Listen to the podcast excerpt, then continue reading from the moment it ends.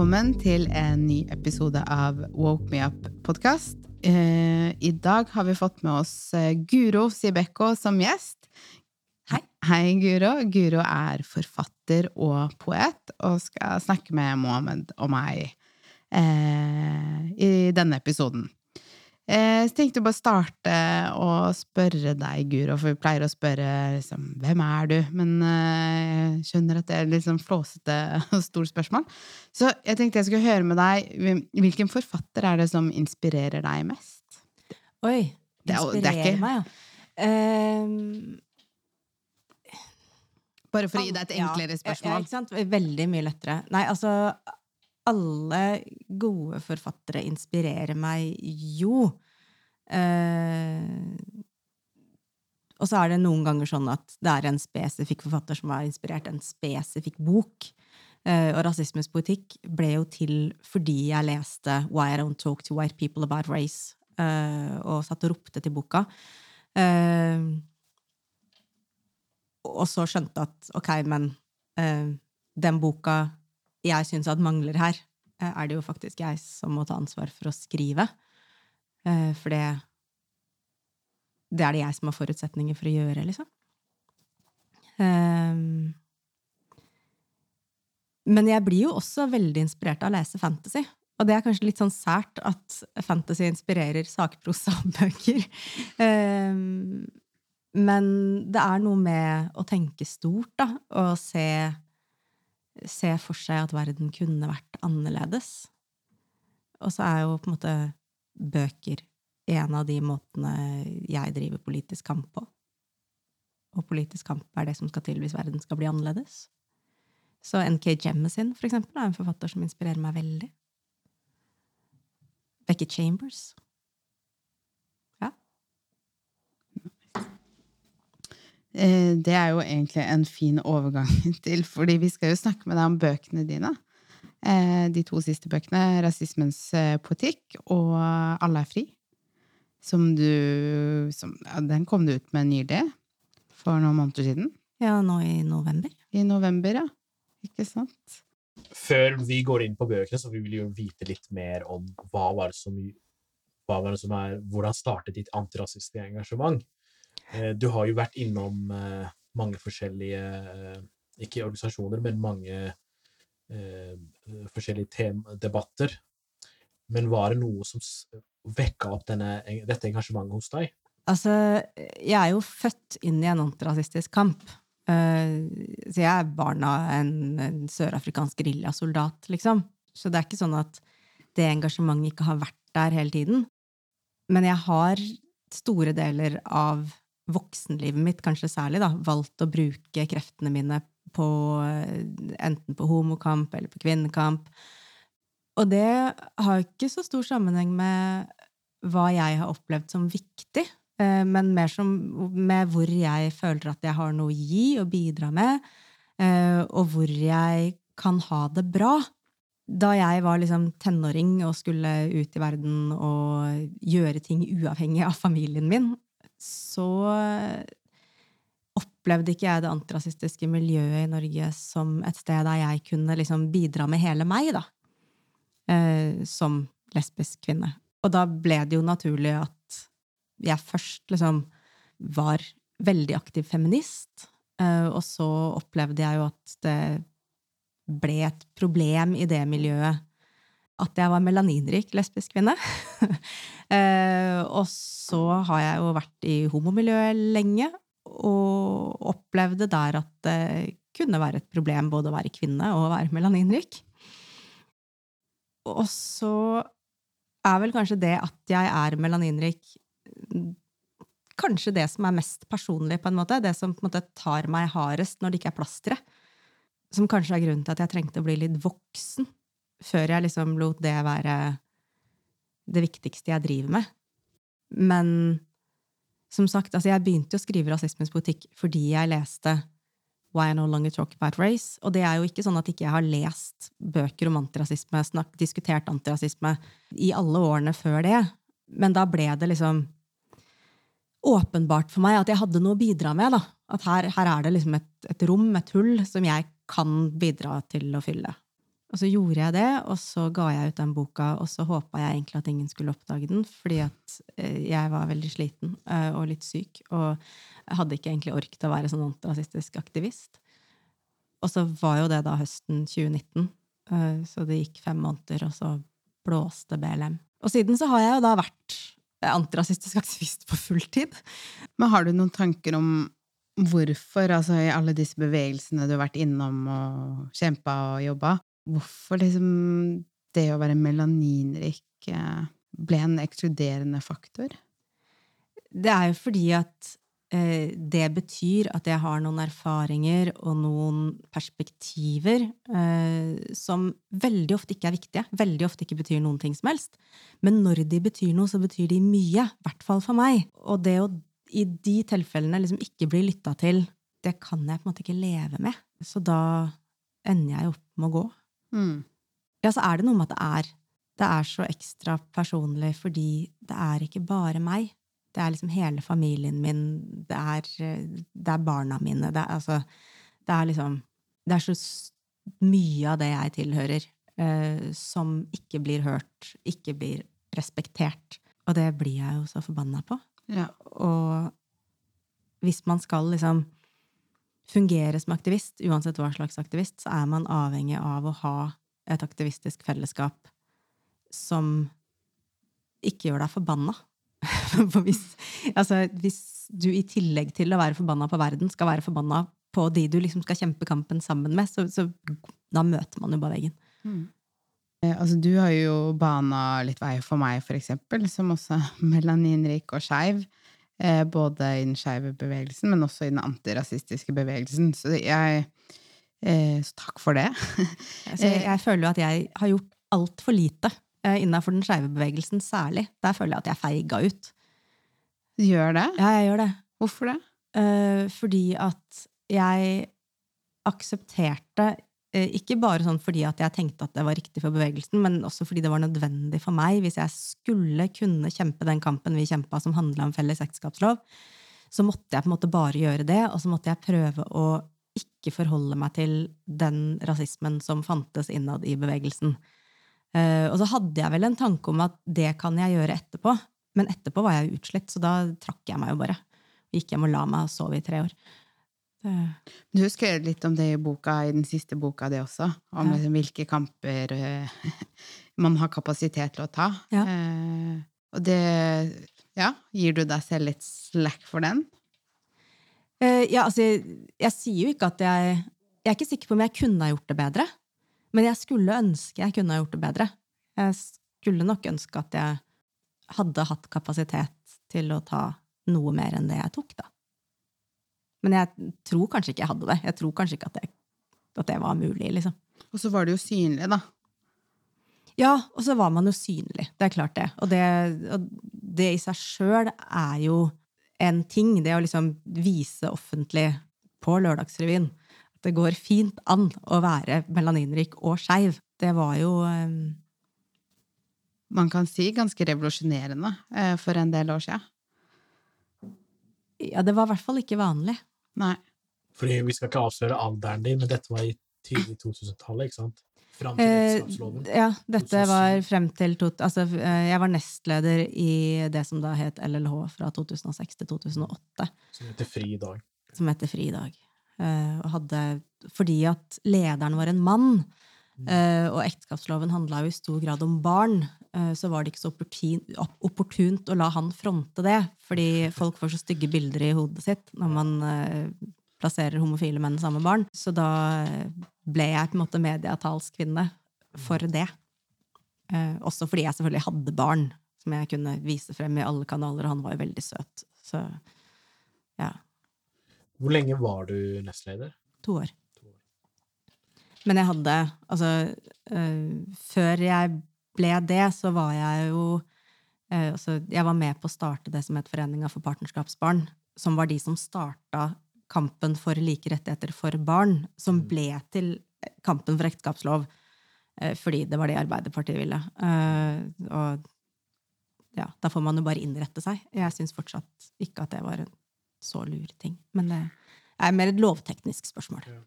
Jeg vil bare gå litt tilbake til dette med disse Du har jo erfaring med forskjellige kamper, som sagt, som uh, vi var inne på. Uh, føler du at kampen mot rasisme er vanskeligere å, å føre enn kampen for skeives rettigheter i Norge? 2023, for eksempel? Ja, altså, det er litt sånn ja og nei. Um, man har noen utfordringer når det gjelder rasisme som man ikke har når det gjelder skeive. For det første så er det en utfordring at folk gjerne vil late som om rasisme ikke fins. Eh, men så late som om at homofobi ikke fins. Det er på en måte vanskelig i et land som forbød homofili opptil ikke altfor lenge siden, liksom. Og det, det gir et bedre utgangspunkt for en kamp. At alle er enige om at problemet eksisterer, selv om ikke alle er enige om at det er et problem. Mm. Og så har skeive vært en mindre fragmentert gruppe enn det altså, folk som er ikke, nødvendig, ikke bare melaninrike, men rasismeutsatte, altså rasifiserte, er jo en enormt fragmentert gruppe. Da er det vanskeligere å på en måte gjøre det den skeive bevegelsen har gjort, uh, som er å bli enige om at nå tar vi den kampen, og så tar vi denne kampen etterpå. Og ta det liksom slag for slag. Og det mm, er jo veldig forståelig, men det gjør jo også at uh, det blir vanskeligere å dra hjem seire, da. Mm. For hvis alle rasifiserte hadde vært enige om for eksempel at nå eh, tar vi eh, kvitteringsordningen, og så tar vi altså den materielle kampen for samers rettigheter, så hadde man kanskje kommet lenger. Men det er vanskelig å få til. Jeg skjønner at det er vanskelig å få til. Jeg skjønner at det er innmari vanskelig for de unga som har politi som driver og klår dem på balla annenhver dag, ikke syns at vindkraftverket på Fosen liksom er det mest interessante å drive med. Eh, og omvendt. Jeg, jeg ser den argumentet med fragmentering, at det gjør ting vanskeligere. Uh, Skeive har vært en politisk kraft i iallfall flere tiår, mens antirasister er jo Eller antirasistisk eh, aktivisme handler også om hvem som driver med det. Ikke sant? Du har iallfall minimum, altså minst fem store grupper som er rasismeutsatte, for å bruke det begrepet du brukte. Det er jo de med innvandrerbakgrunn, som for eksempel eh, norsk-somalier, norsk pakistaner, alle disse bindestreksnordmennene. Og så har du adopterte, utenlandsadopterte, som vi har snakket om i en tidligere episode. Eh, og så har du eh, samer og andre nasjonale minoriteter, kvenere, tatere. Eh, og så har du jøder, norske jøder, altså antisemittismen, og romfolk. Ja, nå er det sånn at både romfolk og jøder er nasjonale minoriteter, men samer er det ikke. Eh, eh, og gruppa nasjonale minoriteter er jo også ekstremt fragmentert. Det er veldig stor forskjell på å være skogfinne eh, og å være jødisk. Eh, på, altså, på alle måter, liksom. Og det gjelder jo også gruppa folk med innvandringsbakgrunn, som er ekstremt ulik. Eh, sånn at En ting er at det er mange store grupper. En annen ting er jo også at de så gruppene innad, innad og ja. også gruppa urfolk er jo også Vi snakker om samer som om det var én ting. Mm. Eh, og med felles interesser. Sånn er det jo heller ikke. ikke sant? Eh, så det Ja, det, det, blir veldig fragmentert, og det blir veldig vanskelig å på en måte enes om hvor kampen står nå. Og kanskje kan vi ikke det. Kanskje må vi bare liksom være litt flinkere til å heie på hverandres kamper og klappe hverandre på skulderen og si at uh, hurra for at du gjør det du gjør, og så gjør jeg det jeg gjør. Uh, det er jo ikke så mye jeg har å bidra med når det gjelder vindkraftverkene på Fosen, annet enn å si at uh, jeg syns det er jævlig. Altså, så nøkkelordet, altså hovedordet, hovedpoenget er solidaritet på tvers av kamper, da. Ja. For det er jo så sinnssykt mange kamper, og det skriver du også litt om i den siste boka di. Eh, der skriver du om at altså, kanskje det er noen andre aktivister som tar til orde for noe som du tenker er helt uviktig, men at du har sverga at jeg skal, hvis jeg ikke er enig, så skal jeg være stille om det.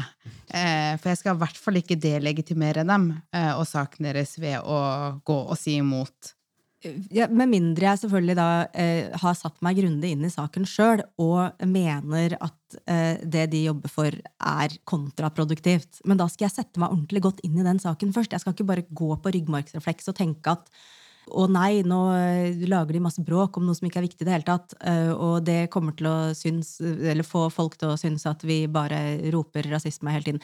Eh, det skal jeg ikke gjøre. Nei. Og du tok opp eh, Du brukte blackface som et eksempel eh, når du beskrev det her. Ja, og det er fordi at jeg de første gangene det ble snakka om blackface, ikke skjønte hva som var problemet. Jeg kunne ikke skjønne hva de snakka om. Og det er selvfølgelig fordi jeg ikke visste noen ting om blackface. Uh, og fordi jeg vokste opp i en kultur hvor det var helt aldeles alminnelig. Og jeg hadde ingen problem med det, så da måtte det jo være greit. Og så har jeg da vært så heldig å ha andre aktivister som har giddet å forklare meg dette med teskje. Uh, og så skjønner jeg også at dette er et alvorlig problem, og at det får konsekvenser for hvordan vi ser på verden, og det er å videreføre rasistiske fordommer. Og det er jeg jo ikke for at man skal gjøre. Og det hadde vært så flaut, da. Hvis jeg liksom hadde vært all over verden og ropt at uh, blackface er bare bra og Ram er kjempemorsom. Det hadde jeg ikke sagt, for det er den ikke.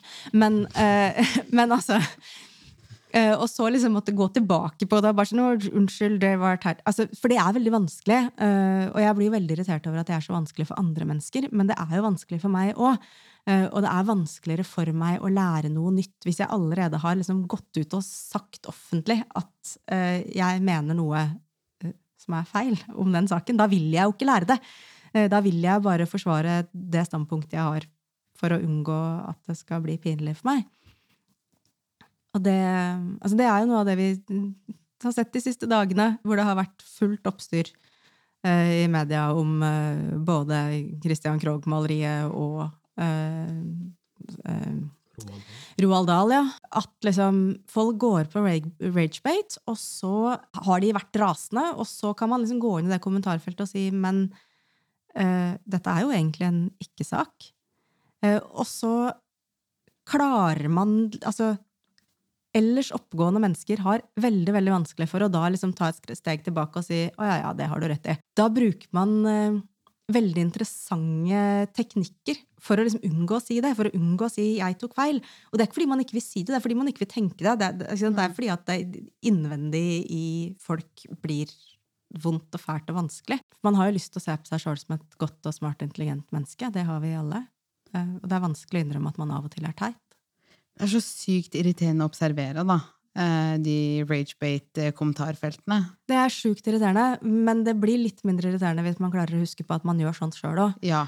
Eh, altså, vi er, vi er, der alle sammen. La oss være litt stille med hverandre, kose litt hverandre. Av og til kanskje sende hverandre melding på PM i stedet for i, i, i kommentarfeltene. Kanskje ringe hverandre litt og si du eh, mm, For det er lettere mm. uh, å lære uh, sjøl om man ikke har det, det er lettere å lære ting man ikke har lyst til å lære eh, på tomannshånd enn i all offentlighet på Facebook. Mm. Absolutt. Men det er jo liksom Ja, kommentarfeltet blir jo Og det sinnet og den derre motstanden mot uh, såkalt woke-kultur ja, Det blir jo for meg et større problem enn selve saken uh, det dreier seg om. Ja, altså Det er jo et kjempeproblem. Uh, både fordi at det tar opp plass og tid og, og eh, eh, engasjement som man burde ha brukt på reelle saker. men også fordi at det som skjer, er jo at pressen lager ragebed-saker som får folk til å føle at verden går i oppløsning. Folk blir sittende igjen med en type angst og utrygghetsfølelse. At nå, liksom, nå forsvinner alle normer. Nå har verden gått av hengslene. Mm. Eh, og det er en følelse som er sånn farlig å ha. Mm. Fordi det gjør oss konservative. Da, da, vil vi veldig gjerne tilbake til det som er trygt. Fascismen, for eksempel, er veldig trygg. Gi meg en sterk mann, en farsfigur som kan redde oss. At, altså, uh, det er oppskriften på å lage fascisme. Ikke fordi folk er fascister, eller fordi de blir fascister, men fordi de blir redde. Og redde mennesker blir konservative og støtter stadig mer fascistiske krefter. Og det, og det gjør vi alle. Det gjør jeg òg. Altså jeg sier ikke at folk er fæle, liksom. Det er bare det er sånn vi fungerer. Vi tåler ikke den følelsen av at verden går i oppløsning. Det er en sånn frykt som handler om, i dette tilfellet, om at man føler at nå kommer de og tar våre nasjonale symboler. Fordi det var jo en sånn skikkelig nasjonalistisk eh, hylekor, som jeg liker å kalle det, det, det med Christian Krogh, at det var hun eh, direktøren, eller Karin Hinsbo, er jo fra Danmark, og Stina Høgquist er jo fra Sverige, så var det som dra tilbake til der dere kommer fra. Så det var mye sånn Ja, men, men, jeg, men jeg tror kanskje du overanalyserer litt. Eh, For jeg tror at veldig veldig mange av de som reagerte, overhodet ikke tenkte at dette var altså, At de ikke var opptatt av det nasjonale symbolet eller av maleriet eller av teksten. eller av Det de er opptatt av, er liksom eh, normoppløsningen. Eh, det at liksom alt som har vært eh, trygt og godt og anerkjent og, og eh, som vi har vært enige om at er bra og riktig, plutselig ikke er det lenger. Eh, og at alle skal tas, og at, altså, altså at man plutselig befinner seg i en eller annen form for kulturell krig, da, som man aldri har bedt om. Eh, og det er ikke det at man vil vinne den krigen, det er det at man vil at krigen skal gå bort. Man vil bare at vi skal slutte å diskutere disse tingene, fordi at det gjør meg redd og utrygg og usikker. Eh, og jeg tror at dette er sånn 100% emosjonelle responser som aldri er innom eh, den, rasjonelle delen av hjernen, liksom. Eh, og så søker man jo på en måte etter hvordan kan jeg rasjonalisere disse følelsene? Og da kan man jo begynne å snakke om nasjonale symboler og eh, dansker som kan dra hjem dit de kommer fra, svensker som kan dra hjem dit de kommer fra, og plutselig så er alle fryktelig opptatt av 1905 og 1814 og sånn. Eh, men det er ikke det det handler om. Det det handler om, er følelsene. ikke sant? Det er en rasjonalisering. Mm. Det folk trenger, er en klem. De, de trenger ikke egentlig opplysning, for de veit jo egentlig de tinga her. De trenger bare kos, så de kan bli litt tryggere i hjertene sine. Og logge av.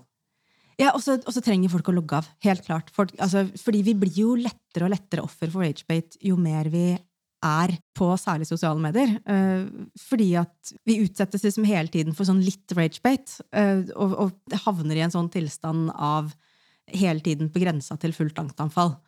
Uh, og da skal det så lite til å vippe oss over kanten så vi blir gærne. Ja, og unge folk de er jo ikke noe særlig på Facebook lenger. De er jo på andre sosiale medier som er mer, altså, hvor det er mer videoer og bilder og eh, Eller på YouTube, for så vidt. Men de virker som unge folk eh, velger seg bort fra kommentarfelt. Ja, det ser ut som de velger seg bort fra den type debatt. Eh, Men det foregår jo en debatt eh, på disse andre sosiale mediene også. Eh, Den bare skjer på litt andre måter. Eh, Og så er den enda mer algoritmestyrt Mm. enn det Facebook er. Eh, Fordi på Facebook så har vi jo venner. Altså, vi blir jo venner på Facebook. Fordi vi er kollegaer, eller fordi vi kjenner hverandre i den virkelige verden. På TikTok så følger man jo på en måte bare de videoene som TikTok bestemmer at man sannsynligvis liker. Og da blir det jo ikke så mange å debattere med.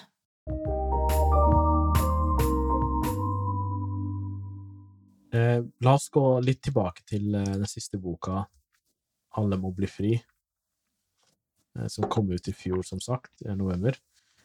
Eh, når jeg spurte deg eh, 'Alle er fri' er tittelen. Alle blir fri. Alle blir fri, ikke sant? Altså, når jeg Vi har sagt hver vår versjon. Når jeg spurte deg, Guru, om, det, om denne boka kan ses på en som slags oppfølger til eh, rasismens politikk, eh, og spurte om den er håndbok, mens rasismens politikk er diagnosemanual, Eh, så, så, så var du litt skeptisk til bruken av ordet hånd, eh, håndbok. Altså, ja, altså en, en håndbok er jo på en måte noe du bare skal kunne plukke opp, slå opp på eh, der det beskrives hva du skal gjøre i denne situasjonen, og så kan du gjøre det. Eh, det er ikke Alle blir fri. Så hvis man på en måte markedsfører den sånn, så blir folk veldig skuffa. Jeg sier jo på en måte mye om hvordan jeg tror vi kan vinne over rasismen. Mm. Eh, men jeg sier også at jeg tror ikke at det er den eneste måten å gjøre det på, og jeg håper alle andre skriver bøker med andre måter å gjøre det på. Eh, og så bruker jeg jo mye mer tid på å forklare hvorfor jeg tror det. Eh, sånn at andre som skriver andre bøker om andre måter, skal kunne faktisk gå i dialog med bakgrunnen for de tiltakene jeg foreslår, eh, enn jeg bruker på å faktisk foreslå tiltak. Og det er det jo altså Det er jo mange forskere og aktivister som jeg også refererer til i den boka, som eh, har snakka en del om akkurat den eh, trangen vi har da, til å bare løse problemet. Eh, uten å ta oss tid til å forstå problemet først. Mm. Og jeg tror jo at det er mange aspekter ved problemet rasisme vi ikke helt forstår enda. Og hvis vi ikke tar oss tid til å grave oss litt ordentlig ned i det før vi liksom lager tiltak, så blir det jo feil tiltak. Hva er noen av de tiltakene du foreslår i boka? Ikke sant? Nå går vi rett på løsninger, Mm, og så fordi- skal vi ikke liksom gå inn i hvorfor mener Nei, jeg det. Nei, intuitivt hadde jeg tenkt å spørre om det samme. Fordi jeg er også sånn der, jeg ser et problem, så får jeg lyst til å løse det. Nei, altså, det er jo veldig menneskelig eh, at man bare vil løse ting. Men eh, Og jeg hadde nok håpa på at det skulle være lettere. Når jeg begynte å skrive, så hadde jeg liksom håpt at det å liksom finne løsninger skulle være en noe lettere affære enn det det viste seg å være. Eh, fordi det fins altfor lite forskning på hva som fungerer mot rasisme. Altså, det fins masse forskning på hvordan rasisme eh, utspiller seg, men veldig, veldig lite på løsninger. Eh, så det jeg har måttet ta tak i, er jo liksom forskning på tilliggende områder, på en måte. Forskning på eh, hva som virker mot annen type diskriminering, eller hva som virker mot eh, akt, Altså hva som virker mot, mot aktivistfatigue, for eksempel. Ikke sant? Eh, alminnelig psykologi, eh, den type ting. Eh, og så har jeg jo kommet frem til ganske mange ting jeg da, på grunnlag av disse tingene, tror kan fungere. Uh, og jeg tror det er viktig å bygge sterke antirasistiske fellesskap. Og det har vi på en måte snakka litt om allerede. Eh, det handler mye om å være grei med hverandre, og kanskje snakke mer på tomannshånd og mindre i kommentarfeltet, særlig når vi er uenige. Eh, veldig gjerne være uenige, men ikke nødvendigvis slå hverandre i hodet av den grunn, fordi det er ingen av oss som veit hva som er riktig, så vi får kanskje bare uh, ja, gi hverandre litt uh, slack, da. Uh, være litt romslige. Bruke energien utad heller enn å krangle innad. Forsvare velferdsstaten. Som jeg liksom endte opp med å tenke at er den eneste grunnen til at situasjonen i Norge er så god som den er. For den kunne jo vært mye verre. Eh, og velferdsstaten er liksom under kontinuerlig angrep. Og det er jo tusen måter å forsvare velferdsstaten på, og der er vi liksom framme på det tredje, eh, som er å gjøre det du kan. Og bruke kreftene dine på de tingene du kan noe om, de områdene som er lette for deg å gjøre noe med. Ut ifra den livssituasjonen du er i, ut ifra den jobben du har, ut ifra den personligheten du har, da. Vi snakka liksom i stad om den fragmenterte kampen. Og det er kanskje ikke så dumt, fordi det gjør jo at alle kan gjøre noe. Og hvis alle gjør noe, så må vi jo komme et stykke på vei, håper jeg. For eksempel så er det mange grunner til at hvis du ser særlig barn og unge bli utsatt for rasisme, så må du gripe inn. Men hvordan du må gripe inn, det er det liksom ikke noe fasitsvar på. Det kan godt hende at det er det samme for det barnets videre utvikling, i hvert fall. Eh, om du velger å eh, grisebanke rasisten, eh, eller om du velger å ikke si noe som helst til rasisten, men gå bort til barnet og si 'jeg så hva som skjedde med deg, og det syns jeg var leit'. For å ta liksom to ytterpunkter i, i, i mulige reaksjoner, ikke sant? Og at hva du må velge, er jo avhengig av liksom, hva slags menneske er du, hva slags forutsetninger har du, hva, hva kan du gjøre? Eh, hva tror du er lurt? Og det har ikke jeg noen fasit på, men du må gjøre noe. Mm. Og du har jo altså Nå kommer du jo med mange du, Og det har du gjort gjennom, eh, en- gjennom denne praten, så har du kommet med noen tips, altså. Eller eh, forslag til tiltak. Eh, bare i samtalen. Eh, men så Du har jo på mange måter blitt den antirasisten i Norge som folk ringer til, inkludert meg, med små store spørsmål, eh, prosjektideer, ideer til tiltak eh, for å holde eh, lese opp dikt, skrive dikt, være konferansier. Altså, du blir jo veldig, veldig ofte brukt, med god grunn. Er, det en en rolle du er komfortabel i? Og er det noe annet Altså, er det noe annet du heller kunne ønske du var Eh, altså, jeg er veldig komfortabel med at folk ringer meg når de lurer på ting. Når de har prosjekter som de skal drive med, og lurer på om jeg har noen innspill eller ideer, eller sånne ting, liksom. Og mye av grunnen til at jeg er komfortabel med det, er jo at jeg kjenner innmari mye bra folk. Sånn at det veldig ofte er lett for meg å henvise videre. Og så håper jeg jo at de jeg henviser videre til, også kan henvise videre. Altså, for jeg kjenner jo ikke alle.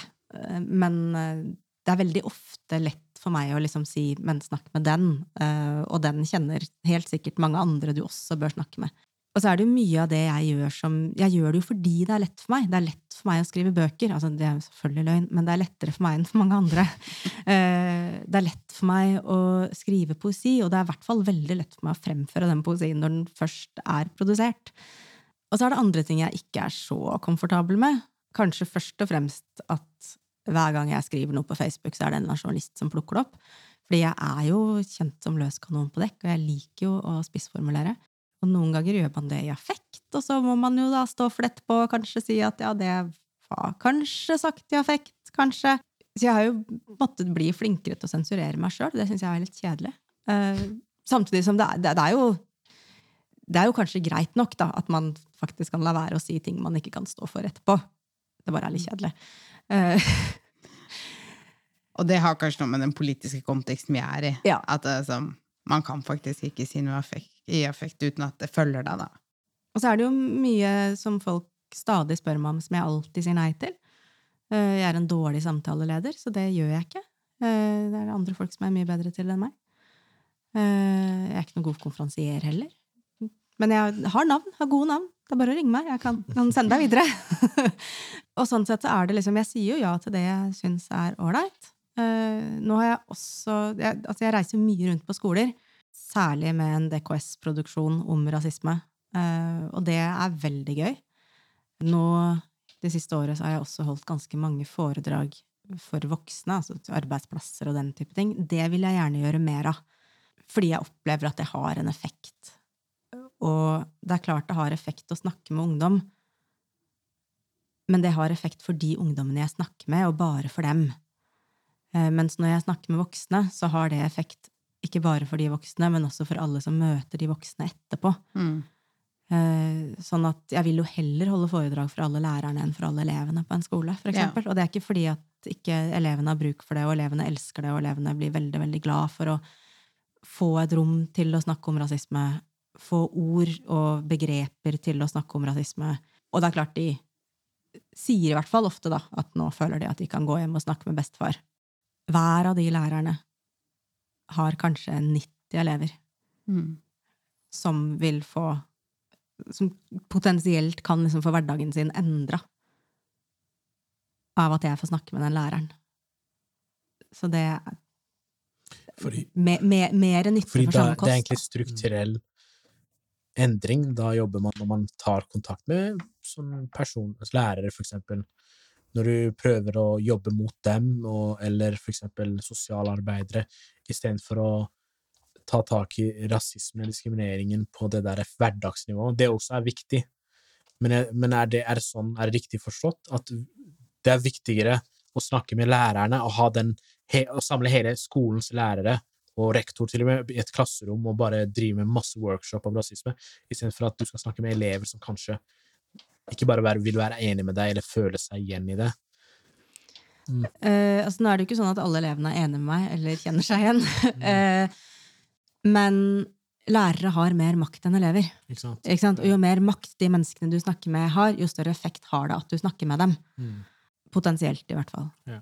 Og det vi har av forskning på liksom, rasisme i klasserommet, er jo at eh, dersom læreren har lite kunnskap om rasisme, så kan det generere eh, til rasisme i klasserommet, særlig når man tar opp temaer som Mm. altså, andre Ja. verdens ja, Og så vet vi jo også at lærere agerer rasistisk i klasserommet. Mm. Det har jeg gjort sjæl. mm, Det, det er liksom mm, Det kan vi ikke noe for. Nei. vi er oppdratt til å gjøre det. Vi er opplært til det. Og hvis vi ikke er bevisste på at vi er opplært til det, så kan vi ikke slutte med det. Jeg tror det folk glemmer, er at lærere er en slags miniatyr eller sånn av samfunnet. Vi er som alle andre mennesker. Nettopp. Hvis jeg skal også bruke meg som et eksempel, så det er ikke sånn at vi går rundt og er helt annerledes enn rørleggere eller bank med, eh, folk som jobber på bank, eller eh, folk som jobber som direktører. Vi, er også, vi har også fordommer, og hvis vi skal legge det på det nivået Vi har også vår ballast med oss, rasistisk og vel eh, det som er verre, altså Ja. diskriminerende. Og det som skiller oss fra eh, rørleggere, er jo at vi har et oppdrag som er uttalt antirasistisk. Fra Stortinget, Ja. liksom. Eh, sånn at eh, vi, vi kan faktisk ikke tillate oss å Nei. ikke ta et oppgjør med våre egne fordommer. Ja, det kan i verste fall være ulovlig, for å si det sånn. For det har jo vært noen saker med opp gjennom årene hvor det har vært sikkert eh, Dere har vært borti og kommuner som har fått blitt saksøkt for eh, mobbing eh, av elever. Både rasistisk og andre typer mobbing. Men jeg bare tenkte, Guro, for å gå litt tilbake eh, til boka di, og noe av det jeg syns eh, eh, var veldig spennende å lese, fordi jeg husker jo var, Jeg husker jo ikke hvem det var som sa det, men det var noen som eh, snakka om folk som meg og dere, antageligvis, som eh, ikke kronisk norsk, da. Og de snakka om hvite folk som kronisk norske. Ja, Det reagerte jeg på, husker jeg. Tenkte det, det er skikkelig teit. Men så skriver du om det i boka, og du har fått meg til å ombestemme meg. Jeg syns ikke det er teit lenger. Har du lyst til å fortelle litt om det? Ja, altså, da Kamzy skulle lede eh, 17. mai-komiteen i Oslo, så eh, mente hun at den oppgaven burde gått til noen som var kronisk norske. Eh, og det var jo hysterisk festlig, fordi kronisk er noe vi vanligvis bruker om sjukdom, liksom. Men i arbeidet med den boka her, da, så oppdaga jeg jo på en måte at det mangler det ordet på norsk som sier kronisk norsk. Eh, det som skiller meg fra kona mi og fra alle andre som liksom når som helst kan få norskheten sin trukket i tvil, som ikke nødvendigvis har noe med hudfarge å gjøre, for hvis du er samisk, så er du ikke kronisk norsk. Eller hvis du er tater, ikke sant, som ikke nødvendigvis har noe med opprinnelse, altså hvor du er født, eh, som ikke nødvendigvis har noe med kultur å gjøre. Er du adoptert, så er du heller ikke kronisk norsk, ikke sant? Eh, Så bare de folka som aldri trenger å forsvare norskheten sin, hva kaller vi dem? Eh, Og da landa jeg liksom på at kronisk norsk er et veldig godt begrep. Fordi kronisk betyr jo ikke sykt. Det betyr bare at noe er langvarig og uten utsikt til å opphøre. Så det er et veldig presist medisinsk begrep. Så det har jeg begynt å bruke, da. Ikke sant? Eh, og så eh, bruker du jo altså, Jeg syns jo det her med begreper er vanskelig. Jeg syns i hvert fall det er vanskelig å vite hvilke begreper jeg skal bruke i hvilke rom. Fordi man vil jo at folk skal forstå hva du snakker om, og så vil jeg ikke at det skal være så veldig akademisk. Eh, og du bruker melaninrik Ja. konsekvent. Jeg kan bruke rasifisert iblant også, men jeg har begynt å bruke melaninrik mer og mer. Altså, poenget er jo at rasifisert og melaninrik betyr to forskjellige ting. Mm. Eh, og her er vi på en måte igjen inne på at den, altså hvor fragmenterte vi er, ikke sant? Og eh, altså kanskje et av liksom grunnprinsippene, eller en av grunnpilarene i rasismen, er jo ideen om at det fins hvite og andre. Eh, og så lenge vi liksom skal snakke om andre eh, med et sånn helhetlig begrep, så viderefører vi jo på en måte den pilaren. Eh, Så jeg tenker at det å ha nyanserte begreper som er liksom tydelige på hvem det er vi snakker om, det er viktig.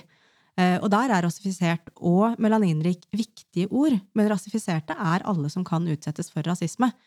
Også samer og tatere. Eh, Mens melaninrike er eh, alle som kan bli utsatt for rasisme fordi de har en viss mengde melanin i huden. Og man kan utmerket godt være muslim uten å være melaninrik.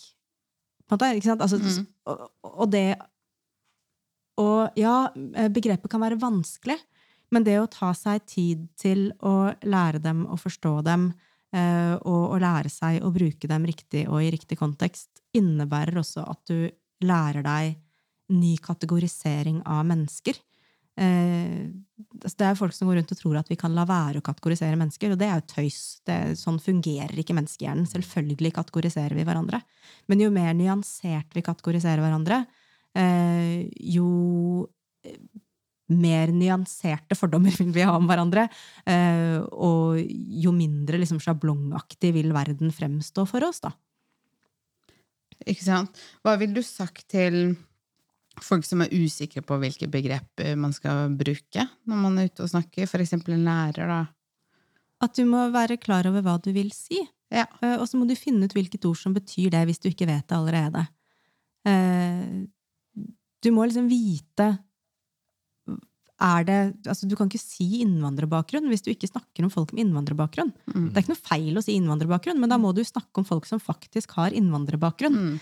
Eh, er- Eller flerkulturell. eh, ikke sant? Flerkulturell. Mm. eh, Flerspråklig. Mm. Eh, etnisk. Mm. Eh, altså Alle disse ordene har faktiske betydninger. Eh, og det er jo ekstremt rart at folk kaller meg etnisk, fordi skal vi være litt strenge, så har jeg ingen etnisitet. Eh, ettersom det ikke finnes noen gruppe, altså noen etnisk gruppe som jeg både føler meg hjemme i, og eh, som, hvor alle de andre i gruppa er enige om at jeg er en deltaker, liksom. Mm. Eh, så, så sånn sett så er jeg jo helt etnisitetsfri.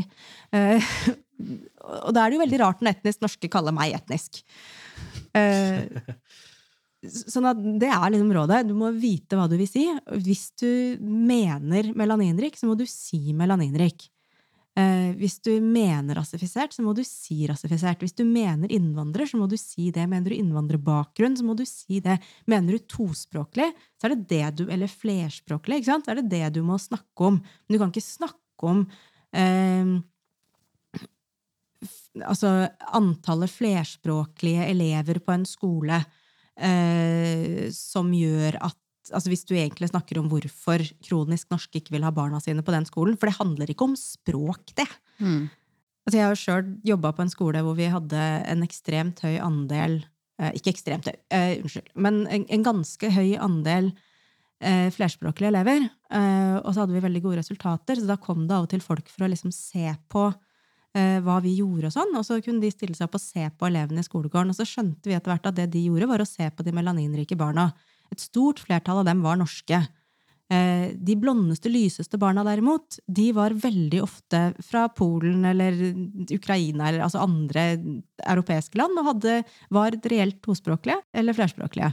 Og, og det, det at man liksom ikke har vært presis på hva er det vi snakker om her, eh, gjør jo at de kommer og tror at de skal se på liksom hvordan vi er flinke til å integrere de brune barna. Og så er det faktisk ikke det vi trenger å jobbe med, fordi våre brune barn er norske. Jeg føler det egentlig bare oppsummerte også de, mange av de debattene som er ute i offentligheten. Eh, Det er så lite presist. Jeg tror ikke alle vet hva vi snakker om, og hva vi diskuterer. Nei, Det er en liten presi, lite presis debatt. Det blir veldig veldig lite Ja. presist. Uh, fordi at veldig veldig mange går rundt og tenker at verden er inndelt i hvite og andre. Uh, eller enda bedre, i norske og andre. Og, så er det liksom den eneste kategoriseringen som gir mening for dem. Og da blir det jo veldig vanskelig å forholde seg til liksom, fakta i verden. Fordi det er jo ikke fakta i verden. Mm.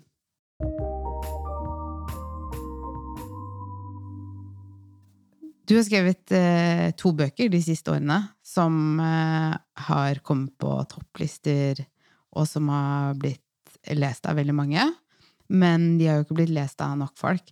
Jeg vet i hvert fall at eh, da rasismens politikk kom ut, så var jeg veldig glad, fordi jeg visste at da kunne jeg kjøpe den i julegave til enten kollegaer eller svigerfamilie. Så slapp jeg liksom å ta den praten sjæl. Det var, det var, følte at det var en gave til meg også. Det var jo poenget med den boka. Ikke Den var jo nettopp skrevet for at folk skulle slippe å ta den praten hver gang. Og kanskje ikke så mye til deg, eh, men særlig til barn og unge. Eh, At særlig eh, unge mennesker som ikke har noen andre enn dem som kan forklare hvordan rasisme fungerer, for eksempel adopterte, eller eh, melaninrike som vokser opp med bare hvite foreldre, eh, skal på en måte ha noe de kan gi til sine foreldre, så de slipper å ta denne praten sjøl, og aller helst noe foreldrene kan kjøpe helt selv, eh, sånn at de kan forstå hva barna deres vil bli utsatt for. Selv om de barna sier at de aldri har vært utsatt for rasisme. Da ljuger de. Ikke sant? Og, så, og så skrev du enda en bok, og ganske kort tid etterpå, vil jeg påstå. Altså, tre år mellom. Ja, altså jeg begynte jo jeg, altså Rasismens politikk kom i 2019 på høsten, og så blåste BLM i 2020, og så var det fryktelig mange journalister som spurte meg ja, men hva skal vi gjøre med det, og jeg var sånn fuck do I know! Uh, men uh, igjen da så var jeg litt sånn ok, men hvem er i posisjon til å svare på det spørsmålet hvis ikke du kan svare på det? Eh, så da må du kanskje lære deg å svare på det spørsmålet. Og så har jeg brukt to og et halvt år da, på å lese forskning og teori og snakke med veldig bra folk, dere to blant annet, eh, for å prøve å finne noen svar på det. Føler du at du har klart det? Ja, jeg føler jo det. Jeg føler, Det gjør jeg også, jeg- men nå er jeg kanskje kom, kom et stykke på vei. Eh, ikke alle svarene, kanskje ikke de beste svarene, men det er et sted å begynne. Det er noen svar. Og det jeg liker med bøkene dine, er at det får oss til å tenke. Og det var kanskje, det var kanskje hensikten også, da du skrev det? Ja, særlig Alle blir fri eh, er jo skrevet fordi jeg vil at andre også skal tenke over disse tingene. Altså Rasismens politikk handler om ting jeg faktisk veit og kan ganske Altså jeg føler liksom at Det er kanskje ikke den eneste fasiten, men en slags fasit på ganske mye er det jo. Eh, Alle blir fri er ikke det. Her har jeg eh, ikke bedre forutsetninger enn veldig mange andre eh, til å finne svar. Eh, Så det håper jeg jo at flere andre skal gjøre. Og så håper jeg de også skal skrive bøker, og så kan jeg lese de bøkene. Og så kanskje om ti år at jeg kan skrive en ny bok som er mye flinkere og smartere.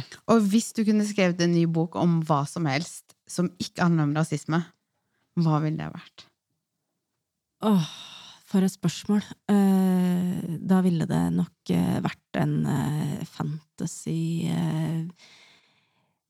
Ikke en roman engang, men en minst triologi. Kanskje fem bøker. Gigantom Altså kjempedigert fantasyprosjekt. Og hvem har hovedrollen? Jeg vet ikke, vil du ha den? Kanskje? Ja, få det. Jeg har aldri blitt spurt om det før. Ja, du- du kan få få jeg det. tar den, jeg Ja, tar den. Da vil jeg bare anbefale alle å øh, Den øh, bøkene til Guro kan øh, lånes på biblioteket også. Ja. Eh, du kan også kjøpe de, og de er publisert på eget forlag. Ja. Ja. Eh, nå er vi ved veis ende, men jeg tenkte bare å avslutte med å spørre deg, Guro. Eh, er det noe du ser frem til, eller er noe Ser du en positiv utvikling eh, i den offentlige samtalen eller i verden som du har lyst til å dele med oss? Eh, Noen dager så eh, gjør jeg det, andre dager ikke. Dette er ikke egentlig en veldig god dag. Når jeg har sånne dager, så søker jeg gjerne trøst hos Frans Fanon. Eh, og dette skriver jeg også i Alle blir fri. Eh, at han har formulert det jeg tror kanskje er antirasismens aller viktigste innsikt. At ingen undertrykkelse helt kan ødelegge menneskelig, menneskelighet. Eh, at altså, undertrykkere kan skape en sånn kollektiv fantasi der den undertrykte er noe annet enn menneske, men det forandrer jo ingenting sånn i virkeligheten. Vi er fortsatt mennesker. Eh, og hvis du spytter på meg, så spytter du på et menneske, og pisker du meg, så pisker du et menneske, og dreper du meg, så dreper du et menneske. Og derfor så kan ikke rasismen noen gang vinne. Og da må vi vel en vakker dag klare å knuse den. Tusen hjertelig takk eh, for at du har vært gjest hos oss, eh, Guro Sebekko. Takk for meg. Det har vært veldig fint. Eh, Og som vanlig så avslutter Mohammed med å si Stay woke.